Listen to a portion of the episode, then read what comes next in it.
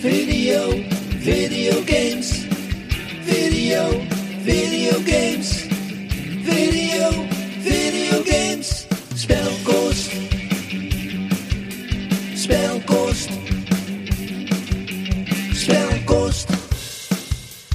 Welkom bij een nieuwe aflevering van Spelkost, een podcast over games. Ik ben Erwin Vogelaar. De andere kant zit Bastiaan Vroegop. Hey, hallo.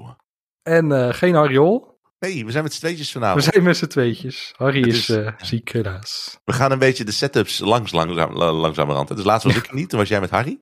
Nou moet jij nog een keer ziek worden, dan ga ik alleen met Harry podcasten. En dan, eh, dan zijn we rond. Ik zat laatst na te denken van... Volgens mij ben ik afgelopen vier jaar één keer ziek geweest. Dus ik weet niet hoe, lang, hoe lang je daar moet wachten om eh, die andere setup te krijgen. Nee, nou, als je een paar keer op mijn kinderen wil passen, dan gaat het heel snel. dat is geen probleem. Het is ook, het is ook op zich wel extra winst voor mij, want dan kan ik eens een keer slapen. Ja, nee.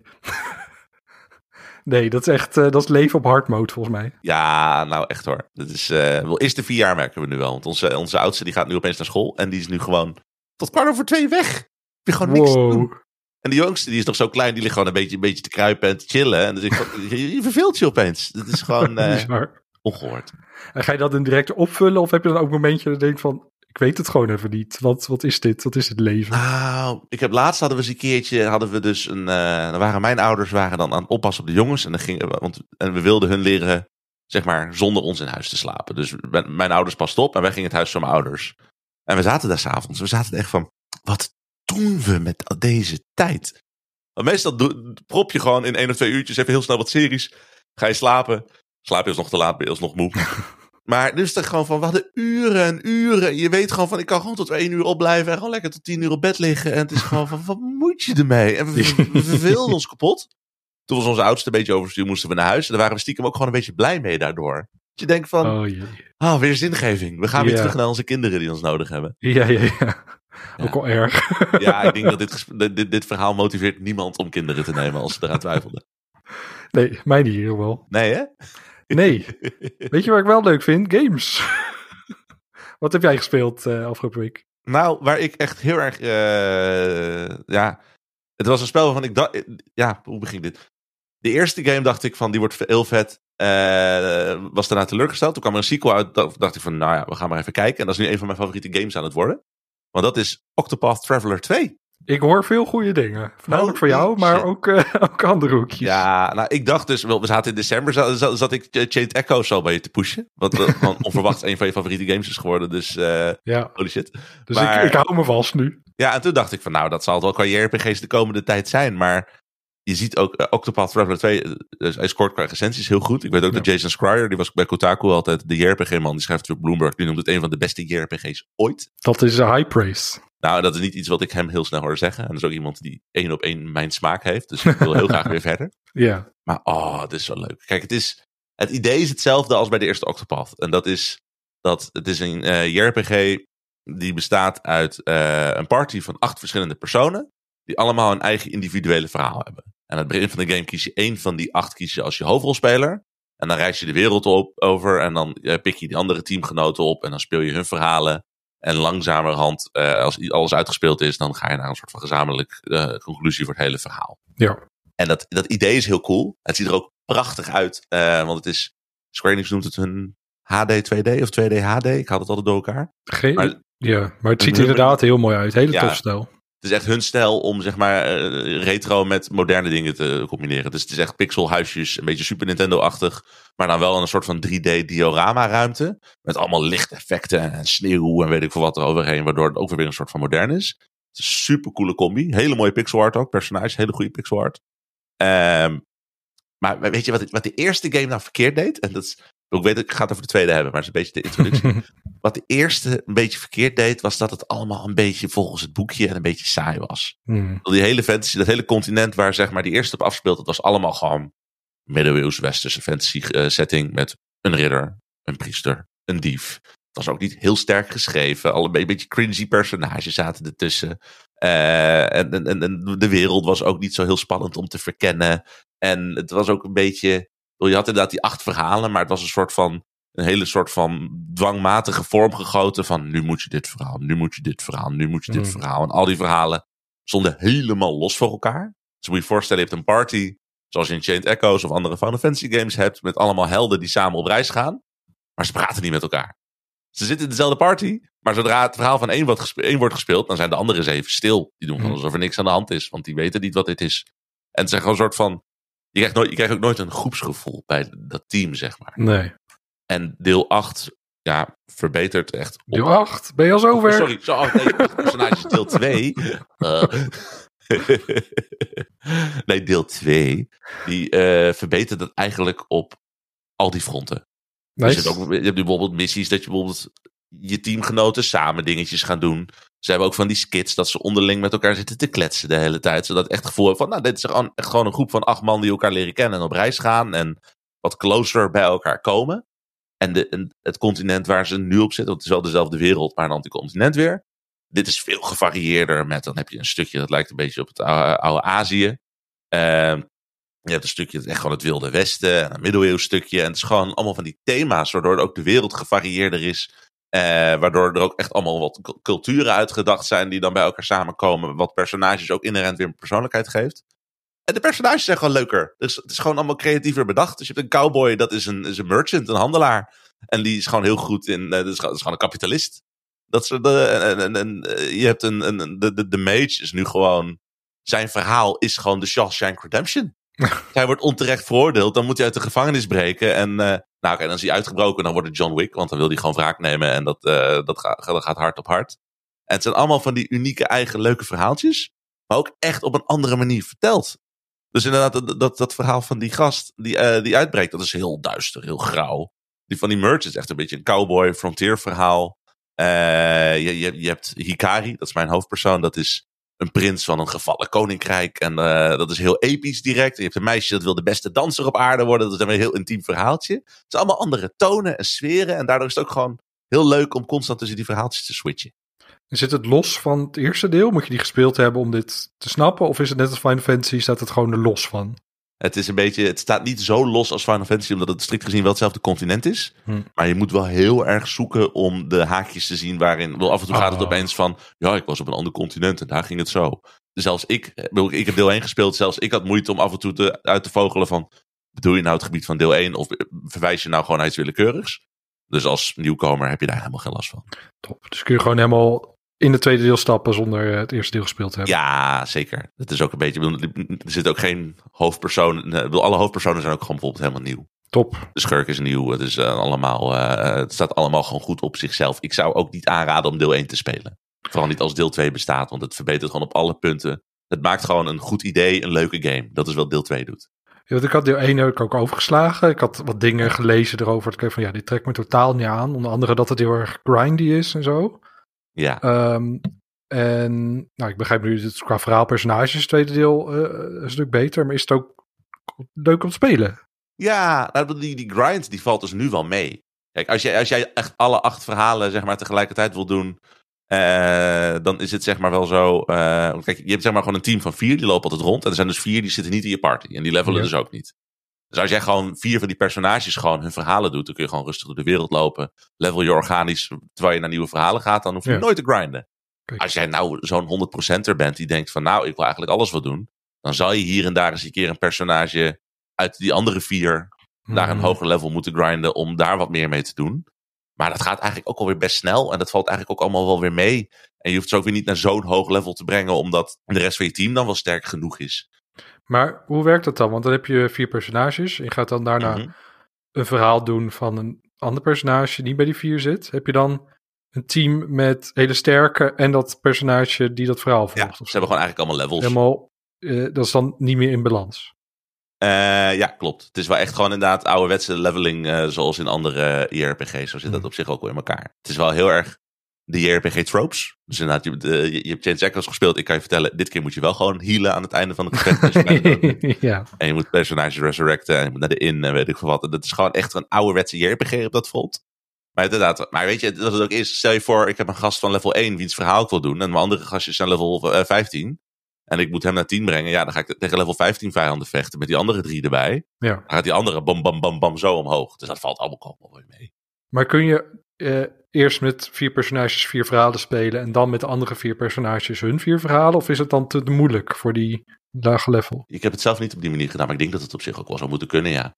Want dan reis je wel de wereld op zich inderdaad over en dan doe je het op een andere manier een beetje organisch allemaal door elkaar. Ja, Dan ga je inderdaad met hun van twee naar drie naar vier. Maar zou je inderdaad kunnen doen.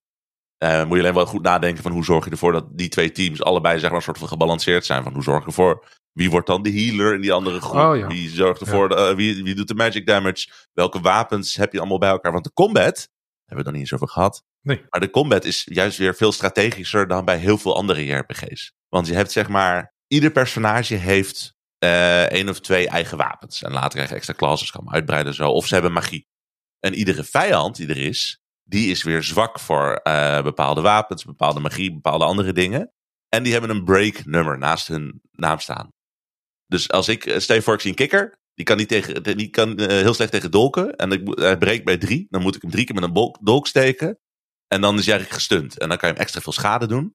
Dat is op zich een heel simpel systeem. Maar je kan tegelijkertijd, kan je, je je verdient iedere beurt ook weer puntjes waarmee je extra beurten bovenop op elkaar kan stapelen. Dus die drie, ik kan ook een paar keer op mijn rechter trigger drukken. En dan kan ik opeens drie keer een aanval achter elkaar doen. Die ik dan, dan weer even tijdelijk kwijt ben. Dus je bent constant soort van aan nadenken van ik spaar beurten op. Ik zorg ervoor dat vijanden gestunt zijn, zodat ik mijn supergoeie aanvallen kan doen. Dan gebruik ik dat heel veel achter elkaar. En dan doe ik hele harde sterke klappen daar weer mee. Hm. Je bent daar een beetje st- constant mee aan het spelen. Van hoe zorg ik ervoor dat ze dat, dat zeg maar het hele veld aan vijanden gewoon eh, hele, hele hoge damage kan krijgen. En dat is echt een soort van puzzel. Dan zie je van, oh, er zijn er twee kunnen slecht tegen bijlen. Drie, drie die kunnen niet goed tegen vuurmagie. Maar dan moet ik zoveel eh, break daar, zoveel break daar. Het is haast een soort van Tetris-achtige puzzel van hoe zorg ik ervoor dat het precies qua timing goed uitkomt. Zodat ik iedereen heel veel eh, pijn kan doen. en is het, ehm, ik bedoel, een, een manier waarop het voor mij interessant zou kunnen zijn, interessanter, is als ik dat, die gevechten dan, je bent best wel, moet best wel nadenken, best actief bezig, maar is het ook een game die je lekker kan spelen terwijl je ondertussen op je tv een serie aanzet en dan op je Switch Octopath Traveler 2 speelt? Zo heb ik hem gespeeld. Kijk, dat wou ik horen. nou, ik zou je vertellen, dat is, dat is iedere JRPG. Dus ik heb een hele wereld die ik voor je kan opengooien. Maar het is gewoon, ja, het is gewoon turn-based. En je ziet heel duidelijk op het scherm ook van, oh ja, nog zoveel klappen voor dit, zoveel dit. Dus het is best even, je kan best even wegzonen. En dan, dan zie je op je scherm weer in één keer van, oh ja, dit moet ik nu doen om het een beetje goed te doen. Dus dat is, nee, ik heb, ik heb dit echt alleen maar terwijl ik series zat te kijken. Ik bedoel, we waren weer met verder gegaan met Andor. En eh, ik ben Star Wars The Bad Batch aan het kijken. Dat is allemaal, tijdens deze game heb ik dat gekeken. Dus dat kan prima. Nice, mooi. Ja, Ja, ik merk wel qua dingen combineren. Ik, ik, nou, volgende week zou ik misschien nog wat meer over de Quarry hebben. Die ben ik nu aan het spelen. Maar dat is begin heel erg traag. En niet zo heel goed geschreven. En dan ga ik wel heel snel naar mijn telefoon zo. En dan moet je, moet je opeens zo'n actie doen. Maar dat, dat krijg je pas door van denken, oh fuck, er gebeurt wat. En dan, bedoel, dan wordt er zo iemand onthoofd terwijl je Twitter, Twitter zit te checken. Dat ja. gebeurt dan. Dus eh, je moet inderdaad, eh, terwijl als je op Twitter zit, wordt, er, wordt daar ook wel iemand onthoofd af en toe. Ja, Dus dat is waar moet je dan de aandacht op houden? Dat is Ja. een dilemma. Ik snap wat je bedoelt. Maar je hebt wel van die series dat je denkt van ja, ik, dit, is niet, dit is niet The Last of Us of niet Succession. Dat, ik- dat ik echt constant wil kijken. En, en dus wil je toch, ja, het is toch wel fijn als je dan in een game en een serie bij elkaar is wel. eh, Ik heb ook gewoon wel dat sommige games die wil ik eigenlijk ook alleen maar spelen als er iets op de tv is, inderdaad. ja. Als ik Pokémon bijvoorbeeld speel, dat is gewoon qua, vooral qua intro, is het altijd zoveel dialoog, wat ik eigenlijk, dingen die ik eigenlijk al weet. Ja. En dat, dat, dat trek ik naarmate ik ouder word steeds slechter, omdat ik gewoon afgeleid raak. ja. Ik denk dat ik gewoon echt gewoon. Ik, ik kan gewoon minder focussen naarmate ik ouder ben. Terwijl als ik gewoon dan lekker. Voor mij is het lingo aan heb. Dan weet ik gewoon van. Ik ben twee dingen tegelijk aan het doen. En dan zijn mijn hersenen precies genoeg geprikkeld om dat te Ja. kunnen klikken. Ik vond Fire Emblem een hele fijne televisiegame. Oh ja. ja. En Fire Emblem was zelfs tactischer dan dit misschien nog wel, denk ik hoor. Dus Mm. ik denk dat dat wel goed komt. Top. Ja. Oh, nog één ding. Wat ook echt heel cool is. eh, want ieder teamgenoot kan ook dus in de, in de wereld zeg maar iets doen. Dus je hebt bijvoorbeeld. Eh, je mates kan iemand scrutinizen of overvallen en dat soort dingen. En dan eh, kunnen ze informatie bijvoorbeeld leren van de personen die ze in de wereld zien. Of ze kunnen iemand, nou letterlijk gewoon spullen stelen van iemand. Je kan iemand uitdagen tot een duel om hun aanvallen te leren. Kan met iedere NPC die je in de wereld tegenkomt. Dus dat is wel heel cool. Maar er zit tegelijkertijd een quest systeem. Je, je hebt gewoon sidequests. Maar die worden dus niet heel expliciet uitgelegd. Je kan gewoon een gast tegenkomen die zegt van ja, ja, ik kom ergens van het eh, Noordoosten. Ik ben ergens wat kwijtgeraakt. Dat is stom. En dan staat er niet een marker op je kaart van waar moet ik het vinden? Hoe zit het nou? Maar dan heel vaak moet je dan creatief doen met de skills die je hebt. eh, om dan toch die sidequest dan maar op te lossen. En dan gewoon een beetje zelf bij elkaar te puzzelen van... Waar in de wereld moet ik nou zijn? En wat bedoelt hij daarmee? Liegt dit personage misschien tegen me? Want er zit ook een gast die zit je gewoon te bullshitten. Die wil de hele tijd dat je allemaal eh, items naar hem toe brengt. En dan scrutinize je hem. En dan ontdek je van ja, deze gast die zit, dat is gewoon een hele eh, gewoon een rijke klootzak die iedereen zit te sarren. Hm. En dan confronteer je hem ermee. En dan is de sidequest pas klaar. Hm. Terwijl als je, je, je kan ook gewoon tot het oneindige items naar hem brengen. En dat is zo. Het is echt gewoon eh, Elden Ring-achtig, zeg maar. In zijn- vaagheid. Of zijn, zijn, zijn eh, ontransparantheid van hoe die wereld in elkaar zit. Mm. Echt super cool. Video, video games. Nou, over Elden Ring gesproken. Ik heb een, eh, ik heb een Souls-like gespeeld. Mijn eerste Souls-like sinds Elden Ring. Want eh Wolang Fallen Dynasty staat op Game Pass. En dat is de nieuwste game van eh, Team Ninja. En Team Ninja is tegenwoordig de, ja, de, de, de, na From Software de grootste leverancier van Souls-like games. Met eh, Nioh en Nioh 2. Ja. En nu Wolang Fallen Dynasty. Ik dacht van, nou ja, als die op Game Pass staat, ik ga gewoon even downloaden en spelen. Ja, waarom Ik niet? wist niet dat hij op Game Pass stond. Ja. Iedereen heeft het over deze game. Ik dacht van, ja, ik wil het wel proberen. Maar ik hoor verhalen over de eerste baas. En dan wil ik er ook Ja. 70 euro aan hebben uitgegeven. Nou, goed nieuws. Nou, hey, wat vind je ervan? ja, nou, het is, eh, het is, het is heel erg wennen dat het eh, een beetje de ouderwets eh Souls-like is. Dat je een richting op moet. Je kan niet even een andere kant op, niet wat anders doen zoals een Elden Ring. Je moet wel even eh, en hele specifieke kant op en hele specifieke strategie in de gevechten gebruiken. Wolang lijkt meer op Sekiro in de gevechten, dat het heel erg gaat om het parryen, of het deflecten wordt het dan hier genoemd. Dat als de, de, de wapen van je vijand je bijna raakt, dan druk je op de knopje en dan deflect je en dan kun je een, een, een slag terug doen. Ja. Ehm, en nou, zo werkt dat. En het kostte me wel even moeite om daar eh, handigheid in te krijgen. Het is qua uitleg, ja, het is, het is echt zo. Je krijgt zo nu dan zo'n schermpje op het begin van hoe. Als je dit doet, krijg je dit knopje en dan zo'n heel klein eh, venstertje met waar, waar het wordt afgebeeld, zeg maar. Dat je denkt van, oké, het zal wel. Maar de helft werd volgens mij niet eens uitgelegd. Eh, de, de- volgens mij werd niet eens gezegd hoe je moet blo- blokkeren en zo en dat soort dingen. Dus nou, dan ga je maar Klinkt heel erg als Team Ninja. Die heeft altijd van die grote pop-ups en dan zoek het maar uit. ja, ja. Dus ja, alles maar een beetje proberen. En, nou, ik kwam er redelijk. eh, ik dacht van, nou, dit is best wel, dit is best wel geinig als het zo doorgaat. Toen kwam de eerste baas. en ehm, ja, dat was wel even schrikken. Van, eh, oh ja, dit is, dit is weer echt een Souls-like. Ik moet nu deze baas verslaan, want anders kan ik niet verder. Anders gaat de deurtje niet open. Ehm, dus ik opnieuw en opnieuw en opnieuw. En op een gegeven moment kreeg ik er wel handigheid in. Met, ik kon die, die aanvallen deflecten en terugslaan. En van, hé, hey, het is nice. En toen had ik hem verslagen. En ik legde al mijn controller weg. En ik pakte mijn telefoon. Ik wou in de chat zeggen: oh, Ik heb de eerste, eerste baas van Woonlijk verslagen. Dat is nice. En dan kijk ik naar de televisie. En die baas die staat op. En die verandert. Misschien een kleine spoiler voor, voor eh, iedereen die helemaal verrast wil worden. Als anders even 30 seconden vooruitspoelen.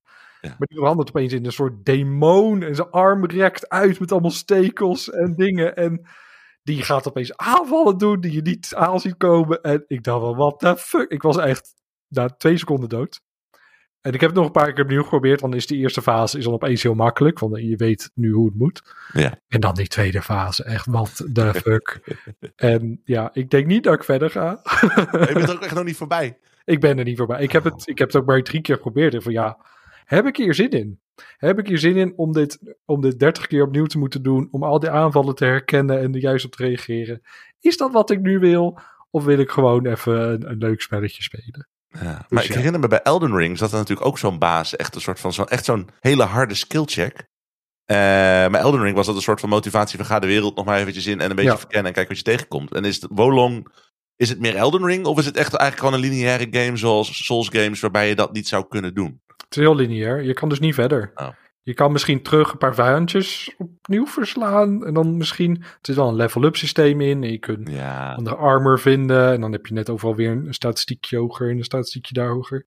Maar het komt al echt neer op, op, op de aanvallen herkennen, reageren en, eh, en, en, en, en, dat soort oh, wat jammer. Ja, ja, ik weet niet. Het, het sprak me op zich wel aan, die, die wereld en die stijl. En eh, de character creator is ook echt heel goed. Ik ben er lekker, eh, lekker, lekker mee bezig geweest om een leuk personage te maken. Daar kun je echt wel heel veel kanten mee op. En dat ziet dan ook nog best wel goed uit in de game. Je vaak dan, de creator, dan stop je hem in de game en dat je opeens al, oh, wat, wat heb ik gedaan? Maar hier ziet het echt goed uit, ook in de filmpjes en zo. Dus dat is wel heel cool. Maar ja, ja. Ik dacht dus eerst inderdaad, ik hoorde heel veel mensen over die eerste baas. En ik had echt zo'n, ja, dat hebben ze van Elden Ring. Nou, dan zal het hier misschien ook wel werken gevoel. Maar dat werkt gewoon niet als die game lineair is. Dan zit je gewoon, want ik begrijp ook dat het na die eerste baas, ik moet nog spelen, maar iedereen die ik spreek over die game, of iedereen, en alle tweets die ik voorbij zie komen, zeggen allemaal, na die baas is de game best toegankelijk. Best makkelijk en gewoon best gewoon prima te benaderen. Dus als je daar voorbij komt, dan is het gewoon tot aan het einde van de game niet meer zo moeilijk als waar jij nu vast zit.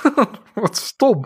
Ik vind dat heel stom. Ja. Waarom? Oh, en nu ben ik wel iets gemotiveerd om toch nog een aantal keer te proberen. ja als je er voorbij Even- bent, heb je waarschijnlijk een hele leuke game. Ja, wie weet. Ja. Ja, Ik hoop een beetje dat ze gewoon stiekem gaan patchen of zoiets. Van maak het maar even makkelijk of zo. Balanceer dat daar gewoon. ja.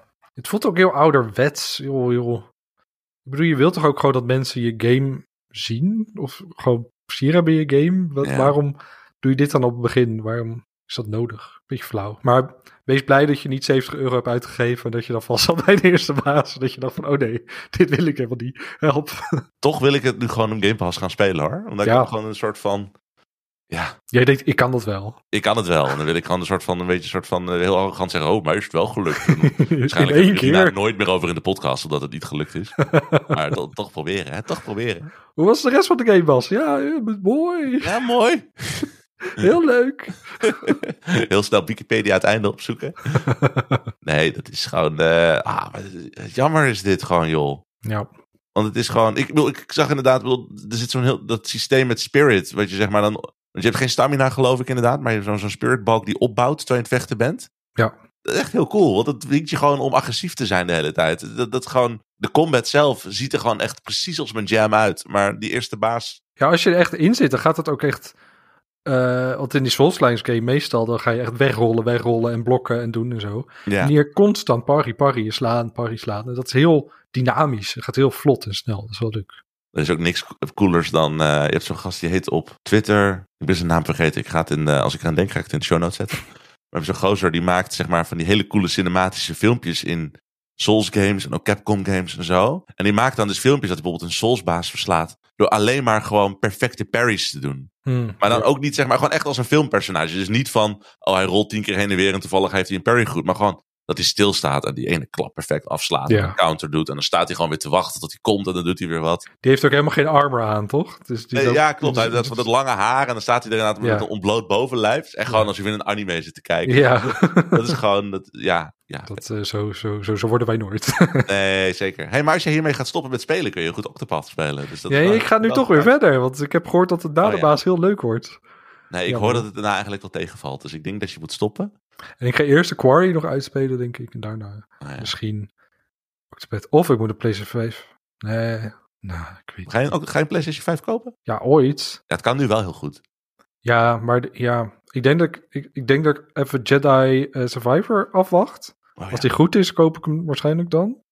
Of zo.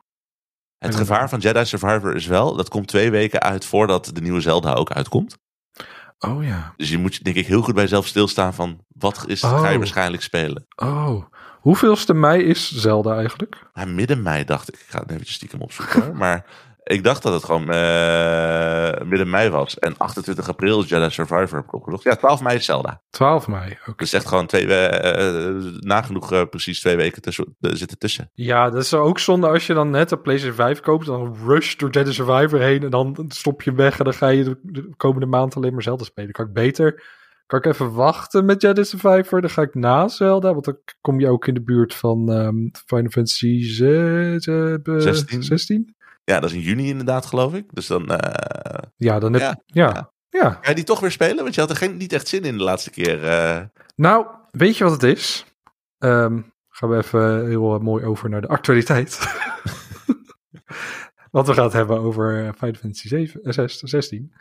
Ehm, ik, ik, ik ging naar de Wikipedia van Final Fantasy 16. Ik dacht Mhm. van, ik wil even iets lezen, want ik maakte me een beetje zorgen. Van, want het lijkt heel erg voor de politieke fantasy en zo. Dat, dat vind ik nooit zo heel leuk. En toen keek ik op, eh, op Wikipedia en toen las ik de volgende zin over, over de wereld van Final Fantasy 16.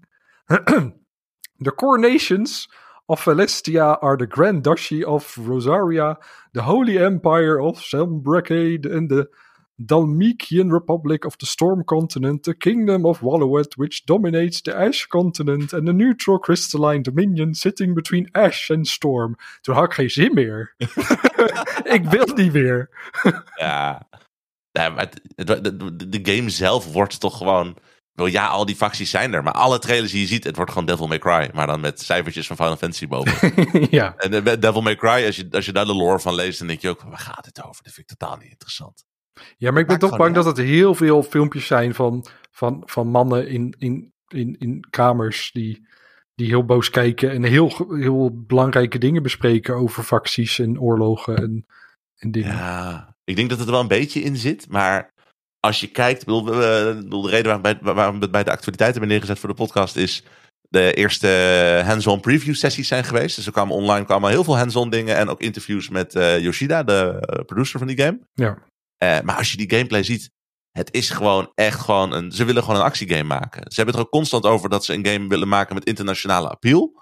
Eh, dus daarom willen ze het ook wat westerser laten voelen. En de, gewoon eh, weg van de turn-based, weg van het RPG-achtige. En gewoon knokken, knokken, knokken. Ik heb het nog En- helemaal niet in actie gezien, weet je dat? Oh, dat moet je straks even doen. Maar dat, als je dat ziet, ben je denk ik wel om. Want het ziet er wel echt heel cool uit. En ook als je alle trailers ziet, het is gewoon. Het is echt gewoon Attack on Titan, de game. Met gewoon hele grote summons die de hele tijd tegen elkaar vechten. Alsof ze God of War eh, gasten zijn, zeg maar. Ja. Het is eigenlijk gewoon een soort van God of War game. Als ik erover nadenk. Gewoon hoe het eruit ziet en wat de vibe is. En daar heb ik gewoon al heel veel zin in. Ja, dit is een beetje hetzelfde. Ja, met, eh, het, kan, het kan goed uitvallen of kan slecht uitvallen. Dus eh het is een beetje bij Final Fantasy toch niet altijd. Meestal is het wel leuk. Ja. En ik heb heel erg vertrouwen in de producer. Want het is exact Ja. dezelfde gast die Final Fantasy 14 heeft gemaakt. Dus eh, die, die is op zich, hij is op zich niet gek. Eh, maar hij heeft wel wat bijzondere ideeën over eh ja, daar difficulty dingen of toegankelijkheidsdingen. Ja, toegankelijkheid is dus inderdaad wat ze hebben gedaan. De meeste games hebben nu, vooral als je een internationale appeal wil hebben, dus daarom is het eigenlijk heel gek. Er zitten gewoon heel veel toegankelijkheidsdingen in. Dan heb je gewoon Ja. een optiesmenu van, nou, maar maak me maar onsterfelijk. Of verander de kleur op deze manier. Of zorg dat ik automatisch aanval. Zodat het voor iedereen speelbaar is. Ja, maar deze game heeft zeg maar iedere toegank- toegankelijkheidsoptie in een ring gestopt. Die je kan equippen. Maar je kan dan geloof ik maar twee of drie ringen. En er zijn vijf toegankelijkheidsringen die je kan gebruiken. En als je die dus draagt, krijg je ook niet de, sta- de stadsupgrades die er zijn. Dus het is echt gewoon een beetje... Maar ik weet ook niet... Ik denk niet eens dat dit van kwade zin is of zoiets. Eh, want er zijn wel wat quotes van hem. Die zijn een beetje denk ik uit verband gerukt moet ik zeggen hoor. Want hij Mhm. heeft iets gezegd van... Wat, dat hij het zelf heel fijn vindt om een game gewoon op een hoge moeilijkheidsgraad te spelen. En wat hij vervelend vindt is dat je... Dat zie je bij heel veel bij de games als Devil May Cry kwamen erin. Dat als je een paar keer doodgaat, dat er dan het scherm staat. Wil je misschien de easy switchen? En daar ben ik eigenlijk ook wel met hem eens. Want dat voelt gewoon van, nee, dat wil ik niet. Ik wil me trots houden. Dus ik, dat, Ja. dat wilde hij weghouden. Maar heel veel mensen hebben dat geïnterpreteerd als... Hij vindt dat mensen maar een beetje games op, moeilijk, op hoge moeilijkheidsgraad moeten spelen. Ja, Maar het, het systeem is gewoon niet handig. Ze hebben gewoon, het voelt gewoon alsof ze al een raamwerk voor die game hadden. Ze dachten van, shit, toegankelijkheid, we moeten wat doen. Eh, maak maar vijf ringen, dan zijn we klaar. In plaats van dat ze gewoon eh, de boel hebben opengebroken om het inherent aan de game te maken. Dat, dat echt een bizar, bizar idee, bizar systeem. Ja, het past wel heel erg bij hoe hij ook met Final Fantasy XIV omgaat. Want in de laatste uitbreiding, eh, die game wordt steeds groter en groter en groter. En mensen klagen van, we hebben niet meer genoeg ruimte in onze inventory voor alle outfits die je vindt en zeldzame wapens die je graag wil bewaren en weet ik veel wat.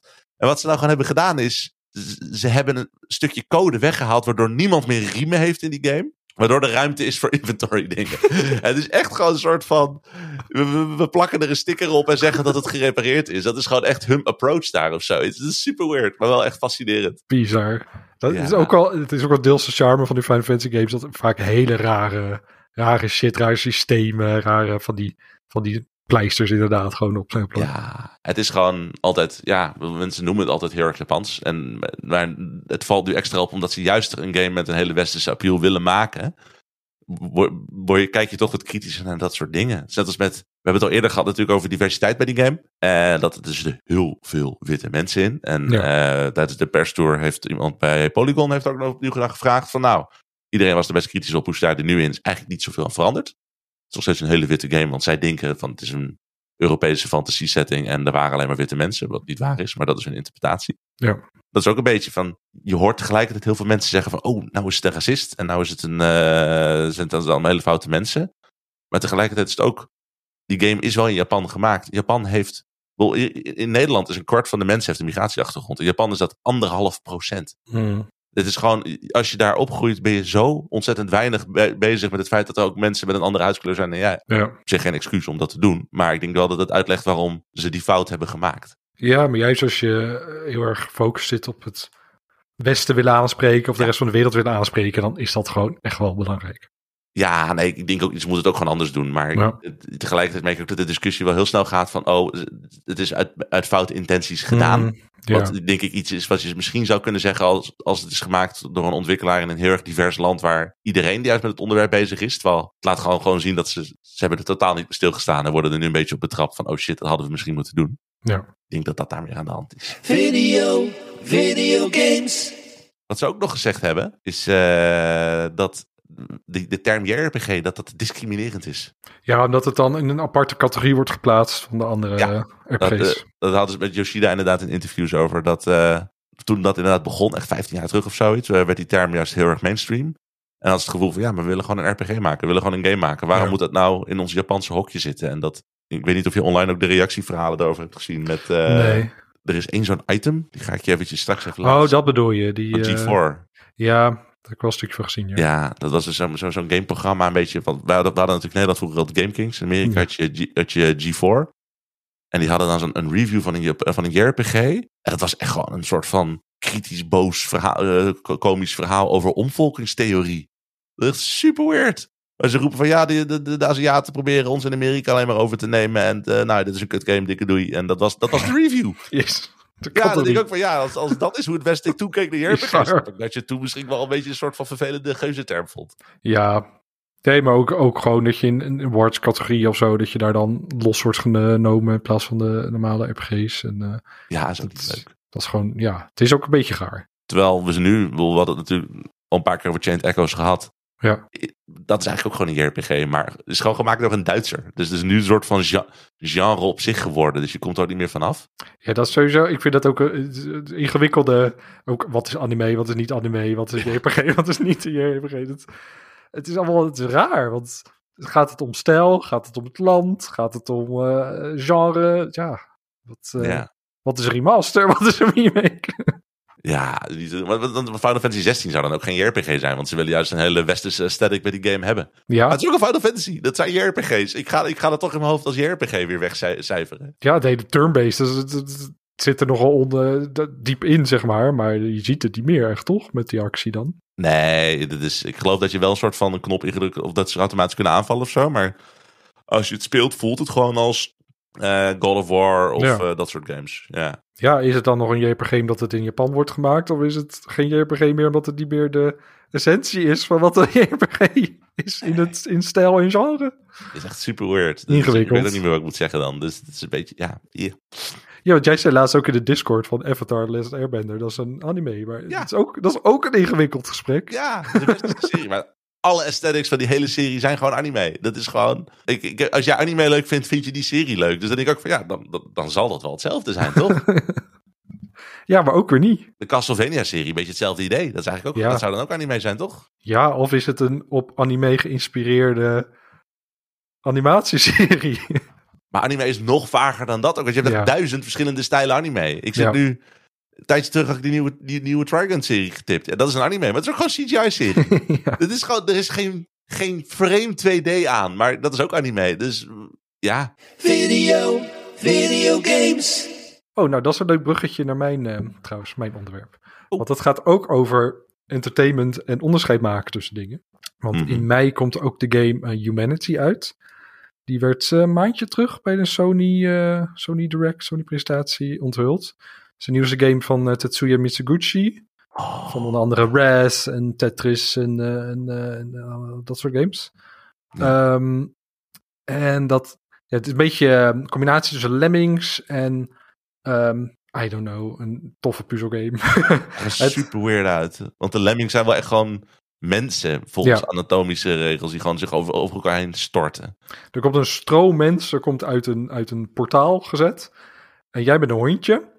En je moet als hondje moet je die stroom mensen moet je begeleiden zodat ze naar de uitgang lopen. Ja, En dat is dan een hele leuke puzzels waar de, waar de mensen klimmen en springen en vliegen en zo. En het maakt niet uit hoeveel mensen zich naar beneden storten in de, in de afgrond. Zolang maar op een gegeven moment een bepaald aantal mensen de uitgang behaalt. En dan heb je ook nog... ehm, er staat nu een demo op, de, die is gewoon speelbaar PlayStation 4 en PlayStation 5. Heb je 10 levels of zo. Best wel lang kun je ermee bezig. Heel leuk.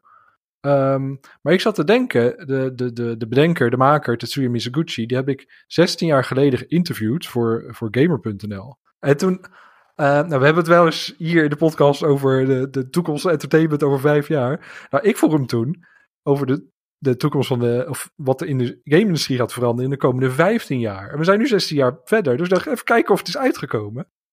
En eh, hij, hij dacht heel erg van dat eh, games niet meer bestaan als losse categorie. Maar dat hij denkt in entertainment. Dat alle andere media zoals film en muziek, dat gaat allemaal samen in één. En dan denkt hij alleen in de toekomst entertainment als interactief of non-interactief. Ehm, en nu vind ik het heel grappig, nu 16 jaar later. Nu komt hij weer met een nieuwe game. Het is echt de meest gamey game die ooit gegamed heeft. Het is echt puur, puur game. En dat vind ik, nou, dat vind ik wel heel geinig. Oké, ik had het fout. Nu maak ik dit wel. ja. Oh, wat grappig. ja, dus dat vond, ik wel, eh, dat vond ik wel leuk om even terug te lezen, te kijken. Denk je, dat je, denk je dat hij nog gelijk gaat krijgen trouwens? Of denk je dat dat gewoon nooit gaat gebeuren? Ja, het zou kunnen, maar niet in de komende 10 jaar of 15 jaar, denk ik. Nee. Ik denk dat er nog heel erg losse categorieën blijven. En, eh, Ik denk dat een hele generatie aan mensen gewoon er niet meer moet zijn voordat je dat kan doen. ja. Dat iedereen gewoon games als, een soort van mainstream heeft geaccepteerd voordat je überhaupt die kant op kan. Maar je wil ook eh, bijvoorbeeld muziek. Je wil niet een muziekervaring. in- Je wil ook gewoon muziek luisteren. En, Ja. en, en je wil gewoon een boek lezen. En je wil eh, ontspannen een serie kijken. En ja, volgens mij het heeft er allemaal verschillende doelen, verschillende doelgroepen, verschillende. Dus, ja, ik denk wel echt dat het dat er grotendeels los blijft. Ik vind het wel leuk wat, wat Mizuguchi heeft gedaan met muziek en games in het verleden. Zoals eh, Every Extent Extra of Luminous en zo. Dat is heel erg het combineren van muziek en game. Dat, dat deed hij heel leuk. Eh vandaar, houdt- van daaruit komt dat het idee, denk ik ook, dat het allemaal een beetje gaat samensmelten. Ehm, maar ja, het, het, het- daarbuiten zie ik het niet echt gebeuren. Ik heb laatst Res van hem trouwens nog eens een keer gespeeld. Hmm. Omdat hij dus op PSVR 2 ook uit is. Kun je upgraden. Maar dat is gewoon een game die ook gewoon qua muziek precies op het punt is gemaakt. Het had qua soundtrack nu gemaakt kunnen worden, zeg maar. Ja, Echt een beetje van die elektrische. Het is niet eens mijn genre of zoiets. Maar wel gewoon die elektrische muziek. Dat je denkt van ja. Dat is inderdaad gewoon al 15 jaar of zo. Is dat gewoon nog wel actueel gebleven. En dat kun je Ja. nog steeds luisteren. Of misschien wel 20 inmiddels. Of 25. Ik weet niet hoe oud die game is. ik vermoed de muziek van zijn oude games ook. Dat, wel, dat zat hem echt wel goed in elkaar. Dat klonk lekker allemaal. Ja. Klonk nice. Ja. Ja, er was laatst ook, eh, je had die podcast ehm, van eh, Simon Parkin, een Britse gamesjournalist. Ja? En die heeft nu een podcastserie My Favorite Console. Eh, oh, die had ik kunnen tippen. Nou ja, goed, ik vertel hem nu hier. Eh, en dan praat hij dus met eh, andere gamemakers en eh, notabele mensen. eh, praat hij dus over de vijf games die zij op hun fictieve gameconsole zouden zetten. Van stel, zij moeten nu een console maken, welke games zijn erbij? En eigenlijk is dat gewoon een vehikel waar me- mensen dus vertellen over de games die zij het belangrijkst vinden. Is dat de En aan podcast met Phil Fish ook? Ja. Oh, die moet ik nog luisteren. Ik heb inderdaad die van Phil Fish geluisterd. En hij heeft het dus ook over Res. Sowieso Phil Fish heeft het alleen maar over games die ervoor zorgen dat hij zich cool voelt. Dat is echt een soort van leuk thema. Oh, dan speel ik eh, Ridge Racer, dan voel ik me cool. Of Ja. dan speel ik, eh, speel ik Res, oh, ik voel me zo cool.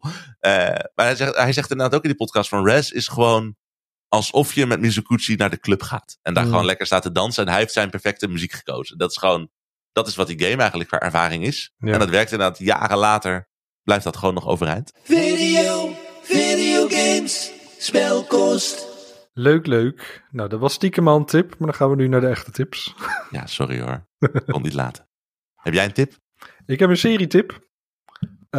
Ik, denk, ik denk dat veel mensen toch al wel van gehoord hebben, maar ehm, Abbott Elementary staat op eh, Disney+. Plus. De eerste seizoen heeft best wel wat prijzen gewonnen, andere wat Emmys en zo. En dat is niet voor niets, want het is een hele leuke serie. Het gaat over een, eh, een zwarte basisschool in de Verenigde Staten met heel weinig geld, maar met hele gemotiveerde docenten.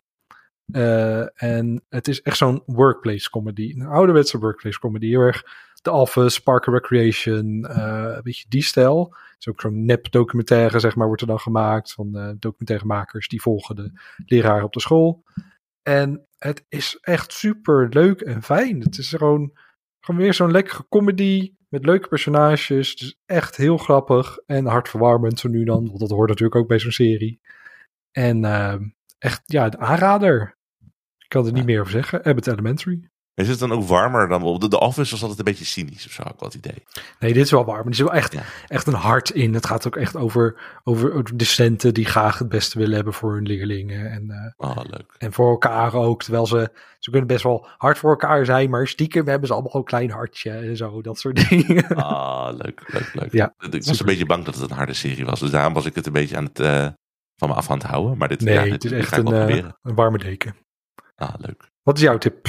Nou, ik heb ook een serie. Ik heb, eh, ja, shit, niemand heeft een boek getipt deze aflevering. Dus geloof Oh, ik onze eerste keer in 18 afleveringen dat er geen boekentip is. Eh, maar ik, op Apple TV heb je de serie Shrinking. Dat is van een van de producers van Ted Lasso. Dat doet het me ook wel een beetje zijdelings soms aan denken. En in de hoofdrol heb je Jason Segel. Die speelde in How I Met Your Mother, speelde die Marshall. En hij was in de Muppets film, had hij de hoofdrol. Toen de Muppets weer een soort van gereboot werden. Ik vind hem heel erg op Harry lijken in, in. Echt waar? Ik heb telkens zijn gezichtsuitdrukkingen, hoe die is en zo. Ik denk telkens, oh, dat is Harry. Oh, dat heb ik echt niet gezien. Jeetje.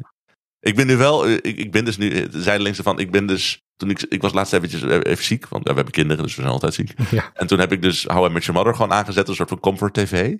En dat ben ik dus nu mee bezig. Dus volgende keer als ik dat aanzet, dan ga ik ook alleen maar nu denken. Is het Harry? Is het Harry?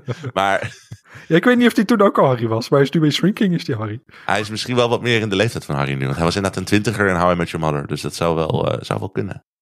Even, ja, ik ga kijken of het verpest. Maar het gaat dus over een, over een psychiater. eh, die, of een therapeut. die, wiens vrouw is overleden. En eigenlijk, je ziet hem eigenlijk van het punt dat die vrouw er net niet meer is. En hij aan, een tijdje aan het rouwen is. De band met zijn dochter. eh, die is ook wat verzwakt door. En eigenlijk gewoon, je ziet hoe hij zichzelf weer een beetje probeert te herstellen na die tijd. Want hij heeft zich een beetje laten gaan. Gaat niet zo goed met hem. En iedereen probeert weer hem een beetje omhoog te trekken. En hij probeert een beetje gekke dingen in zijn therapie te doen. Waardoor zijn cliënten goed geholpen worden. Maar, eh, eh, ter- terwijl hij ook er, zich er een beetje aan omhoog trekt. En het wordt. Het begint als een soort van cynische Ted Lasso, zeg maar. Met zo'n personage die denkt van, nou, hij is gewoon. Hij zit gewoon niet lekker in zijn vel, gaat niet goed met hem. Maar het wordt gewoon steeds positiever en optimistischer. De personages dat je denkt van, oh, dat zijn gewoon eh, de one-note, eh beetje, beetje vervelende stereotypes. Die blijken gewoon allemaal een hart te hebben. En het, wordt, het groeit steeds. En superleuk. En met en Harrison. Ford. Ja. Ik net zeggen, met vergeten. Die is de baas van Jason Segel. Dus die komt Ja. inderdaad af en toe toespreken. En het is, eh, het is gewoon heel leuk. Het staat op Apple TV Plus. En iedere week nog een aflevering, geloof ik. Ja, ik heb, eh, ik, heb, ik heb ze allemaal gezien. Maar meer, ja, ik weet niet. Het, het klikte nog niet helemaal. Ik vond het best, wel, best wel zoetsappig eh, vaak. Van die montages met die, met die suffe muziek. En het allemaal een beetje, eh, ja, een beetje net niet. Maar het is, ja, het mm, ja. Ik ging er wel goed op. Maar ik was wel echt wel vanaf de eerste aflevering om. Dus Nee. misschien had jij dat dan niet. En misschien is dat wel... eh, ja, dat, dat is denk ik de, de Erwin en Bas skill. Als je bij aflevering 1 het niet leuk vindt, dan weet je hoe je waarschijnlijk gaat eindigen. ja. Vond je deze aflevering van Spelkost wel leuk? Vergeet ons dan niet te raten in je favoriete podcast-app. Heel smooth. En meer informatie over de podcast vind je op spelkost.nl. Daar vind je ook een link naar eh, onze Discord, waar we onder andere praten over games en series en eh, kabels. Nou, dat Zoveel over kabels. ons, kana ons kanaal Kantoorkast is echt... Het gaat niet alleen over kabels. Het gaat ook over toetsenborden, over muizen. Eigenlijk alles om een beetje je, je workspace...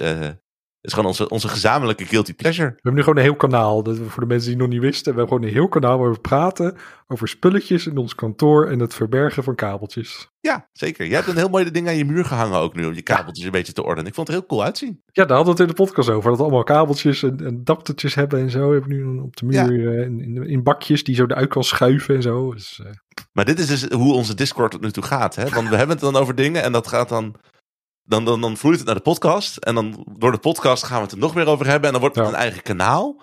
En straks worden, waarschijnlijk gaan we straks gewoon een kantoorpodcast beginnen. En dan gaan we alleen maar over kabeltjes praten. Gewoon een uur lang. dit is een beetje, ja, dit is hoe het gaat nu. Dit is het leven. heel veel zin in. Heel veel zin in. En op uh, vind je ook een link naar onze Patreon als je ons wil steunen. En dat doen al. Dat doen uh, Kevin, Niels, Wietse, Gerard, Mark Ro en Roland. En uh, onze nieuwste patron is Erik. Dus ja, hartstikke bedankt voor het steunen allemaal. Dat heeft ons een warm gevoel van binnen. Ja, super bedankt allemaal. Heel fijn. En dat helpt ons weer met het maken van deze podcast. Dus wil je ons ook steunen voor een vast bedrag per maand. Dan vind je een link op spelkost.nl. Yes. Dan was het voor deze. Namens Bas vroeg op, ook Ariel natuurlijk. Ik ben Erv. Heel erg bedankt voor het luisteren. En tot de volgende keer.